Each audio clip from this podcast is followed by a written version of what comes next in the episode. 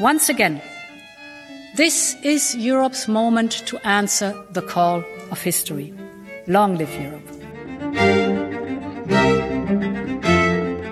Welkom bij de podcast Waarom Europa? Europa-specialist professor Steven van Hekken van de KU Leuven en journalist Joris van der Poorten blikken terug op de afgelopen weken. Wat moeten we onthouden? Wat is blijven hangen? Wat ligt er op tafel en zal daar misschien nog een tijdje blijven liggen? Waarom Europa?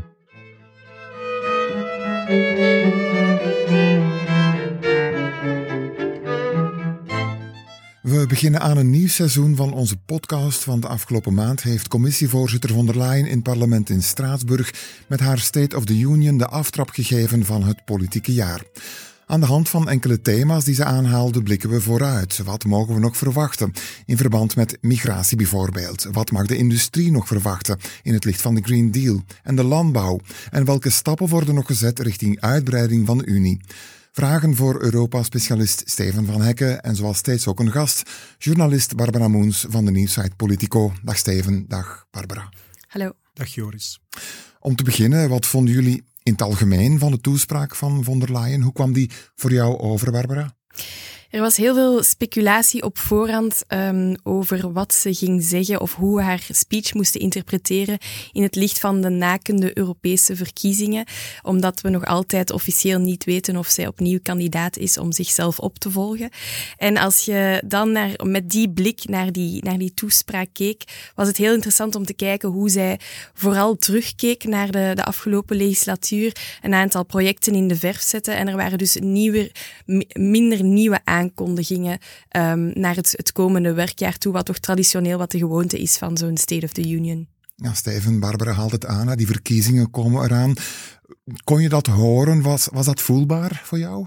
Ja, dat klopt wat Barbara zegt. Uh, het is natuurlijk al te laat om nog grote nieuwe initiatieven te lanceren, dus die waren er niet. Het was veel meer aandacht, uh, onder de aandacht brengen van wat deze commissie al heeft kunnen realiseren de voorbije jaren. Het was ook minder pathos, minder drama, vond ik, van de vorige keer. Ook geen opvallende tenue in de kleuren van de Europese vlag of Oekraïne, zoals je wil. Het was vooral eigenlijk één grote balanceeract om zowel eh, tegemoet te komen aan de bezonjes van het Europees parlement, maar ook naar die van de lidstaten. Ja. Laat ons eens een paar thema's bekijken die ze aanraakten. Deze uitspraak bijvoorbeeld trok heel veel aandacht. Global markets are now flooded with cheaper Chinese electric cars. And their price is kept artificially low by huge state subsidies. This is distorting our market. And as we do not accept this distortion from the inside in our market, we do not accept this from the outside. So I can announce today that the Commission is launching an anti-subsidy investigation into electric vehicles coming from China. Ja, samengevat, elektrische wagens uit China worden gemaakt met staatssteun en worden hier massaal gedumpt. Het verstoort de markt en dus komt er een onderzoek. Is het een illustratie, Steven, van haar bekommernis om de industrie en gaan we van die bekommernis de komende maanden nog meer zien? Ja, het is in de eerste plaats ook geen nieuw initiatief natuurlijk. Het is een aankondiging en eigenlijk iets wat de Europese Commissie sowieso moet doen. Daar heb je zelfs de State of the Union ook niet voor nodig. Dat ze dat vermeldt ja, we weten natuurlijk dat er wat animositeit is. We willen niet hetzelfde meemaken met, met de goedkope zonnepanelen die destijds de Europese markt hebben overspoeld. Hetzelfde dreigt te gebeuren met die goedkope Chinese wagens. Volgens sommigen is het dan too little and too late, maar ook anderen zeggen van ja, we zouden dat beter niet doen, want de Chinezen zouden wel eens tegenmaatregelen kunnen nemen die ons veel harder zullen treffen. Ja, zou het inderdaad, Barbara, gevolgen kunnen hebben voor die relaties met Peking, die relaties misschien slechter maken? Ja, het heeft nu al gevolgen. Je merkt dat ondertussen is Valdis Dombrovskis, de, de handelscommissaris, naar China gegaan, heeft daar heel veel commentaar gekregen vanuit um, zijn, zijn tegenpartners in Peking rond deze aankondiging. En het zal de komende maanden um, en vooral voor de nieuwe Europese Commissie nog een heel hard evenwicht zijn tussen op het moment dat dat onderzoek dan gebeurt en dat er dan inderdaad blijkt dat er subsidies gaan naar Chinese elektrische auto's. Ehm, als men zoekt, dan vindt men die ook. Of dat je dan inderdaad die tarieven daar um, gaat op uh, treffen of niet. Om, en om die tarieven te verhogen, om ze duurder te maken. Om inderdaad, inderdaad om die uh, Chinese elektrische auto's duurder te maken op het moment dat we ze naar Europa halen. En op dat moment heb je inderdaad wel het risico van een, een Chinees-Europese handelsoorlog. Wat zeker de, de Europese industrie en ook de Duitse industrie uh, absoluut wil vermijden. Dus dat wordt echt nog een uitdaging, vooral voor die volgende Europese Commissie. Ja, die industrie die moet verzoend worden met de groene ambities van Europa en met de Green Deal. En dat is ook zo voor de landbouw. We brauchen meer dialoog en weniger polarisering. Und aus diesem Grund möchten wir einen strategischen Dialog zur Zukunft der Landwirtschaft in der Europäischen Union starten. Denn ich bin und bleibe davon überzeugt, dass Landwirtschaft und Naturschutz zusammengehen können. Beides ist wichtig. Landbouw en natuur zijn te verzoenen. We hebben een dialoog over de toekomst van de landbouw nodig, zegt ze allemaal in het Duits, Steven. Was dan ook een beetje voor de achterban in eigen land? Ja, absoluut. Dat was duidelijk geen toeval. Uh, net zoals in Vlaanderen trouwens, is ook dat evenwicht tussen natuur en industrie uh, natuur en landbouw een heel heikel thema. En er zijn uh, op 8 oktober deelstaatverkiezingen, dus de zenuwen staan wat gespannen, niet alleen in Hessen, maar ook in Beieren. Uh, de deelstaat van de EVP-fractieleider Manfred Weber. En het is eigenlijk vanuit de EVP dat het verzet is aangejaagd. Dus dat was zeer duidelijk een boodschap voor het kiespubliek in Duitsland. Ik kan me natuurlijk voorstellen dat de publieke opinie denkt van goed, die natuurherstelwet, want daar gaat het natuurlijk over, die is toch al, al, al gestemd in, in parlement en ook de lidstaten hebben die, die wet aangenomen. Maar goed, de, trialoog kan nu beginnen. Hè? Parlement, lidstaten, commissie moeten tot een compromis komen. Zie je dat lukken? Ja, het parlement uh, heeft haar positie vastgelegd en dan ook uh, voor de zomer de lidstaten. Dat was al een belangrijke doorbraak, maar inderdaad, ze moeten nog tot de finale onderhandelingen komen. Ik denk dat het wel tot een compromis zal komen. Wees een afgezwakt eh, compromis. Ik vermoed dat het parlement zal moeten toegeven ten aanzien van de lidstaten. Um, dus, dat het, dus dat de oorspronkelijke doelstelling um, wat naar achter wordt geschoven, dat zal misschien gemakkelijker zijn, want het is niet meer Frans Timmermans als commissaris die daar zit. Dus dat zou van der Leyen wel eens goed kunnen uitkomen. Voor haar is het vooral belangrijk dat die laatste puzzelstuk van de Green Deal er komt. Dan kan ze daarmee uitpakken. Hè. Eerder dan dat er nu heel hoge, ambitieuze doelstellingen worden verwezenlijk, denk ik. Ja, wat is jouw inschatting, Barbara? Wanneer zie je ze landen? Je ziet inderdaad wel, in de, in de lente hebben we echt die heel uh, politieke clash gehad tussen de EVP uh, eh, aan de ene kant, Timmermans aan de andere kant. Dat was heel gepolariseerd. Manfred Weber van de EVP heeft dat echt ook tot het hoogste politieke niveau op de spits gedreven. En je ziet wel dat nu de gemoederen wat kalmer zijn. Inderdaad, Timmermans is weg naar Nederland. Um, Van der Leyen heeft zich sowieso wat uit dat conflict gehouden. Um, ook binnen de EVP in het Europees Parlement beseft men wel van oké, het is goed om dat ene keer te doen om te zien waar we staan. Maar je kunt dat niet met elk dossier gaan doen als je bijvoorbeeld nog kijkt naar degenen die nog komen rond pesticiden. Dus rond die natuurherstelwet, daar, daar komt wel een compromis uit de bus. En zo kunnen we ook wat die, die tegenstelling tussen industrie en, en, en Green Deal een beetje, een beetje verder evolueren, um, omdat niemand er nog weinig belang heeft, politiek, denk ik, om dat nu op de spits te drijven. Die wet komt er nog voor de verkiezingen? Dat lijkt wel de bedoeling, ja.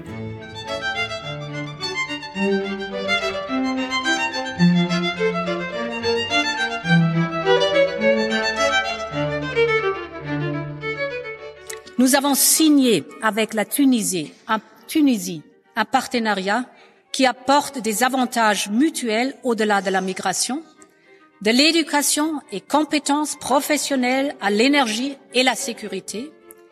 Et nous voulons maintenir, maintenant travailler sur des accords similaires avec d'autres pays.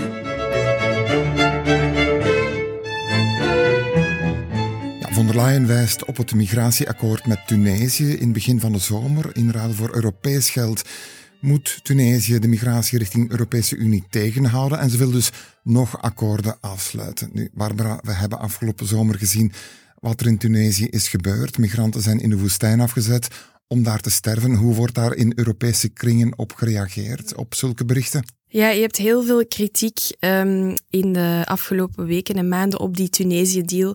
Um, vanuit verschillende hoeken, inderdaad. NGO's, ehm, civil society die rond de mensenrechten werken. Maar ook vanuit de lidstaten als het gaat over de bevoegdheidskwestie. Hè. Het is, er was heel weinig uh, terugkoppeling tussen de Van der Leyen en dan de verschillende lidstaten rond die Tunesië-deal. Wat daar dan precies werd afgesproken, wat de financiering betreft. En je ziet nu dat dat moet verder moet worden uitgewerkt, dat dat allemaal, dat dat allemaal heel moeilijk zit. Dus ik denk hoe verder dat we gaan in dit um, debat, en migratie blijft een heel um, polariserend debat in de komende maanden, ook naar de Europese verkiezingen toe, um, dat, dat een beetje de vraag zal zijn in welke mate dat die Tunesië-deal zelfs nog stand houdt, laat staan om te gaan kijken van gaan we dat model dan nog kopiëren naar andere landen. Dus ik zie dat eigenlijk niet zo rooskleurig in. Nee, van strikt genomen kan je zeggen, er waren eigenlijk maar twee lidstaten bij betrokken, Italië en Nederland. En Rutte en Meloni waren daarbij. En daar stopt het dan. Ja, inderdaad. En natuurlijk vanuit de buitenwereld of vanuit Tunesië of andere landen lijkt het inderdaad, ja, dit is Europa. Hè. Terwijl als je de intra-Europese complexiteit um, kent, zou je nog kunnen zeggen, oké, als die drie daar naartoe gaan met een bepaald mandaat, dan kunnen zij inderdaad het gezicht zijn van. Het heeft ook geen zin om daar met, met 20 of zelfs 30 mensen naar Tunesië te gaan. Maar dat mandaat was er niet. Um, men is allemaal, um, het is allemaal heel snel gegaan en zonder de, de gevoeligheden vanuit die verschillende nationale regeringen, onder andere de Duitse regering, hè, waar migratie ook binnen de Duitse coalitie heel gevoelig ligt, zonder daarmee rekening te houden. En dat merk je keert nu als een boemerang ja, wat verwacht jij nog, Steven?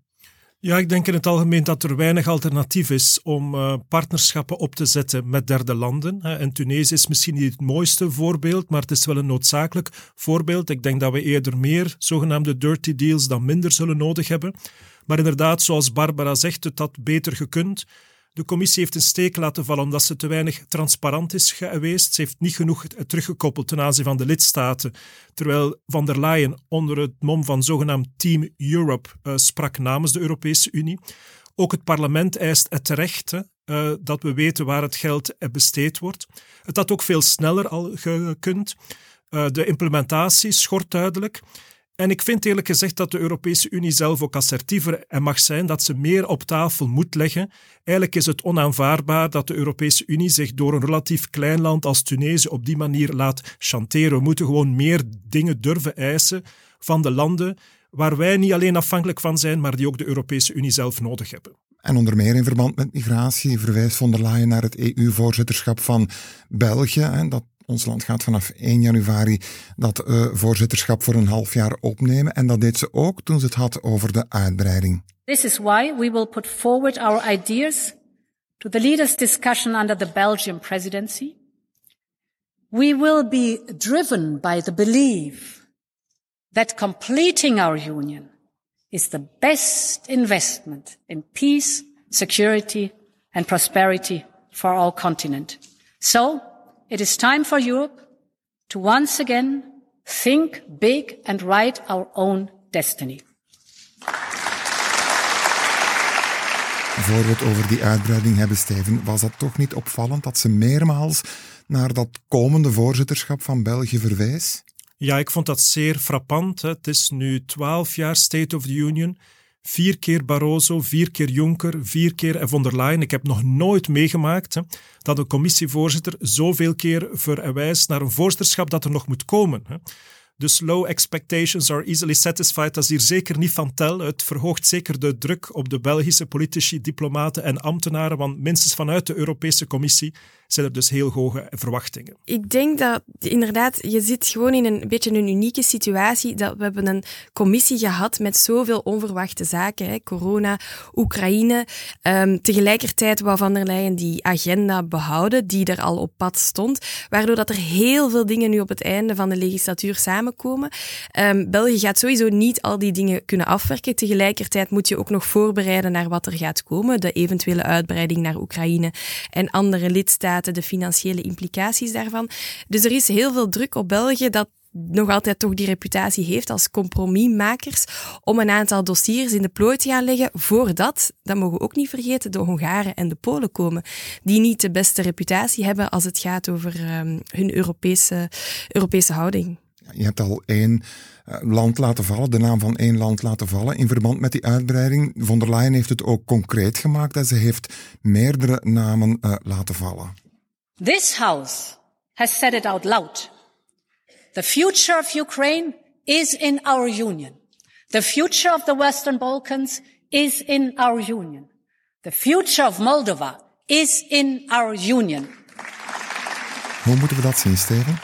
Het was het meest voluntaristische moment, vind ik, passage in de State of the Union, maar wel in lijn met wat von der Leyen de voorbije jaren al heeft gezegd en gedaan. Dus ze is duidelijk voorstander van nieuwe stappen in de toetreding van met name Oekraïne en, Moldavië, die officieel kandidaat lidstaat zijn, maar waar nog niet mee onderhandeld wordt.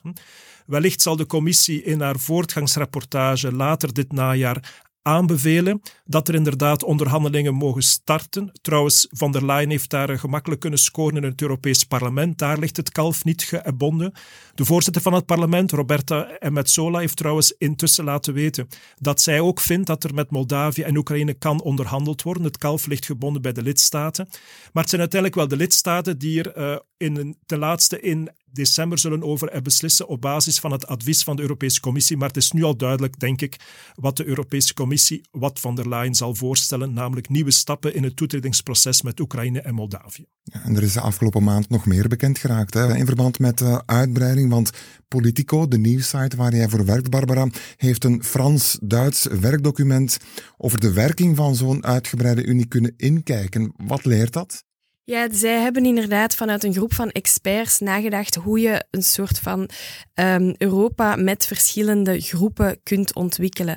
En het doet een beetje denken aan het Europa van twee snelheden. Dus dat je een soort van kerngroep hebt met verschillen die beslist over bepaalde zaken. En dan daarna breid je die groep uit. Met dan de laatste groep is het de soort van Europese politieke gemeenschap die er nu al bestaat.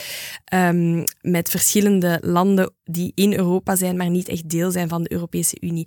En zij um, stellen dus die opties voor waarbij dat de huidige politici en zeker ook de Europese leiders dan verder over kunnen spreken hoe we Europa gaan voorbereiden voor die eventuele uitbreiding uh, in de komende jaren.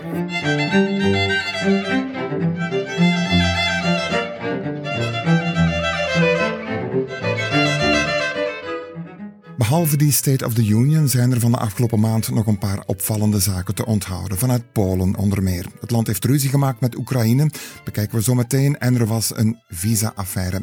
We horen Anita Hipper, een van de woordvoerders van de commissie. We have asked for clarification. The Commissioner sent a letter to the Polish authorities uh, requesting specific um, um, questions and expressing uh, concerns over the uh, Schengen wide implications and uh, um, asking clarity on different uh, elements, be it on the numbers, type of visas, and consulates under um, others. So we will need to have clarity on uh, the situation. Wat er juist gebeurd, Barbara? Waar wil de commissie klaarheid over? Want het is een schandaal dat jullie met Politico naar buiten hebben gebracht. Ja, dus in Polen um, zijn er verschillende consulaten waar visa zijn uitgedeeld um, in ruil voor steekpenningen. De Poolse media spreken daarover meer dan 250.000 visa. Dus het gaat ook wel over een, een zekere grote orde. En de Europese Commissie heeft daar inderdaad, um, zoals we hoorden, gevraagd om verduidelijking vanuit de, vanuit de Poolse overheid. En de timing is hier heel belangrijk, omdat we naar Poolse verkiezingen gaan, waar de huidige regering onder heel veel druk staat vanuit de oppositie. En de, het, ook daar ligt het onderwerp migratie heel gevoelig. Dus het idee dat men in ruil voor geld visa en dus toegang tot de, de Schengenzone zou kunnen, um, zou kunnen krijgen, komt op een heel slecht moment voor die Poolse regering. En welke verdere stappen mogen we nog verwachten? Hoe, hoe, hoe, gaat dit verder evolueren?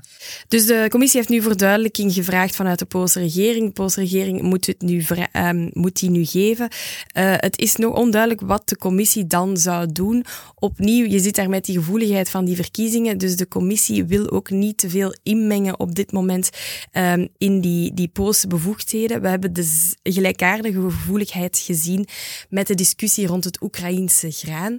De Poolse regering heeft daar samen met twee andere lidstaten een soort van ban op Oekraïns graan ingevoerd tegen alle regels van Europa in als het gaat over de, de eenheidsmarkt. En ook daar merk je dat de commissie heel erg gevrongen zit van gaan we nu die, die regels gewoon toepassen en bepaalde procedures in gang zetten die eventueel tot boetes zelfs zouden kunnen leiden voor Polen. Uh, men heeft daar naar politieke compromissen gezocht om, um, om, die Poolse, om niet te veel in te mengen in die Poolse uh, nationale situatie. En daardoor zit je met allerlei gevrongen, moeilijke, moeilijke discussies op dit moment. Ja, Steven, het is gevallen dat graan uit Oekraïne lag moeilijk, ligt moeilijk in, in Polen. Waarom is die banner weer gekomen?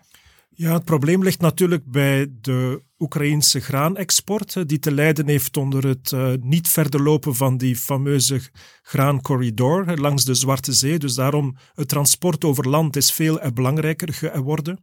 Dat graan is goedkoper hè, dan wat men in Polen en andere lidstaten kan produceren. En het gevaar is natuurlijk dat via dat transport, dat goedkoop graan, ook de Poolse landbouwsector zou ontwrichten. De commissie is daar al tegemoet gekomen. Uh, maar die uitzondering is afgelopen en nu neemt eigenlijk de Poolse overheid het heft in eigen handen en uh, kondigt ze zelf een ban af. En dat heeft dan weer tot een reactie in Kiev geleid en ze daagt Polen en een aantal andere landen voor de Wereldhandelsorganisatie. Je voelt dus zenuwachtigheid aan beide zijden. De Oekraïners zitten dan natuurlijk wat mee in maag, die willen zich ook niet volledig laten doen, maar zoals Barbara zei, het heeft uiteraard ook met de verkiezingen te maken in Polen op 15 oktober. De huidige regering wil kost wat kost ook de steun niet verliezen bij die belangrijke landbouwsector in Polen. En we horen daar ook heel veel kritiek op van andere landen, dat je ziet natuurlijk niet met die timing als de commissie bijvoorbeeld in de lente al had ingegrepen um, toen Polen en een aantal andere lidstaten heel erg fel gingen tegen die Oekraïnse export van graan, dan hadden we misschien nu niet in deze, in deze situatie gezeten. Dus dat is een beetje de, de moeilijkheid ook voor de commissie. Je wilt natuurlijk rekening houden met die nationale gevoeligheden, maar langs de andere kant zijn er ook wel regels die moeten gerespecteerd worden. En daar is nu veel kritiek op uh, Ursula van der Leyen vanuit bepaalde andere lidstaten. En dan hoorden we Polen zeggen, we stoppen met uh, militaire steun aan, aan Oekraïne. Is die stopper nog altijd? Ja, dus men is dan in Polen weer geïrriteerd door het feit dat Kiev hen voor de Wereldhandelsorganisatie daagt hè, en eigenlijk hen heeft afgeschilderd als nuttige idioten van Poetin, hè, waar dan de Polen inderdaad aan hebben gezegd, ja, dan stoppen wij met wapenleveringen. Dat is nefast, denk ik, voor de cohesie, maar ik zou het ook niet overroepen. We zullen eens zien na de verkiezingen. Wie zegt ook dat er veel wapenleveringen op het schap stonden. Dus het is vooral een symboolpolitiek, eh, waarvan wellicht de komende maand we meer duidelijkheid zullen over krijgen. Ja, dan nog dit, nog zo'n thema dat sinds de oorlog in Oekraïne nooit is weggeweest. Die inflatie is uh, altijd in het, uh, in het nieuws gebleven. Inflation continues to decline. But is still expected to remain too high for too long. We are determined to ensure that inflation returns to our 2% medium term target in a timely manner. In order to reinforce progress towards our target, the Governing Council today decided to raise the three key ECB interest rates by 25 basis points. Ja, en met die aankondiging bracht de voorzitter van de Europese Centrale Bank, Christine Lagarde, de beleidsrente op 4%, de tiende verhoging op rij. Het was te verwachten, hè, Steven? Ik denk het wel. De Europese Centrale Bank heeft eigenlijk hetzelfde patroon gevolgd van de Federal Reserve in de VS. Een hele reeks renteverhogingen, maar de Verenigde Staten, daar is men vroeger begonnen. Europa volgt dat pad nu nog. Het is de tiende, maar wellicht de laatste. Inflatie, migratie, uitbreiding, de verzoening van de Green Deal met landbouw en industrie, de verkiezingen die eraan komen. Het wordt een boeiend jaar om te volgen, Barbara. Ja, absoluut. Ik denk dat uh, er heel veel dingen gaan samenkomen. En zoals we zeiden, ook net tijdens dat Belgisch voorzitterschap van de EU. Dus dat plaatst ons in een moeilijke positie, maar ook wel een luxe positie om een aantal dossiers in de plooi te leggen. Boeiend ook voor jou, Steven? Ja, en inderdaad, zeker de eerste helft van 2024. Belgisch voorzitterschap één keer om de 14 jaar. Europese verkiezingen één keer om de vijf jaar. Dat gaat nu samenvallen. Dat is eigenlijk kerstmis en Pasen. En tegelijk gedurende maanden, dat is eten en drinken voor iedereen, denk ik. Wij brengen in elk geval maandelijks een update in deze podcast. Bedankt alvast voor dit gesprek. Steven van Hekken, Europa-specialist aan de KU Leuven en Barbara Moens, journalist voor de nieuwsite Politico. En u, beste luisteraar, bedankt om deze podcast te beluisteren. In onze volgende aflevering blikken we terug op de maand oktober. Tot dan.